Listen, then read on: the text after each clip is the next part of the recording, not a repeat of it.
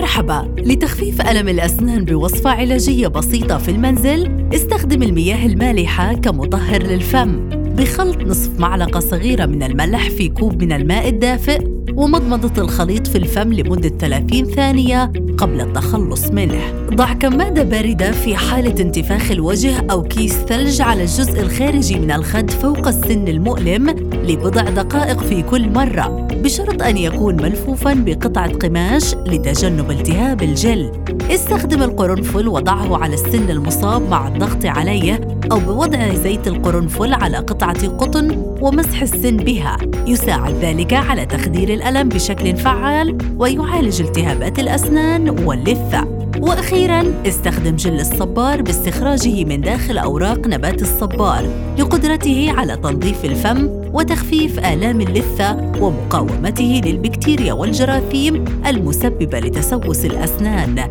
لذلك ضع جل الصبار على السن المصاب من الفم والتدليك برفق.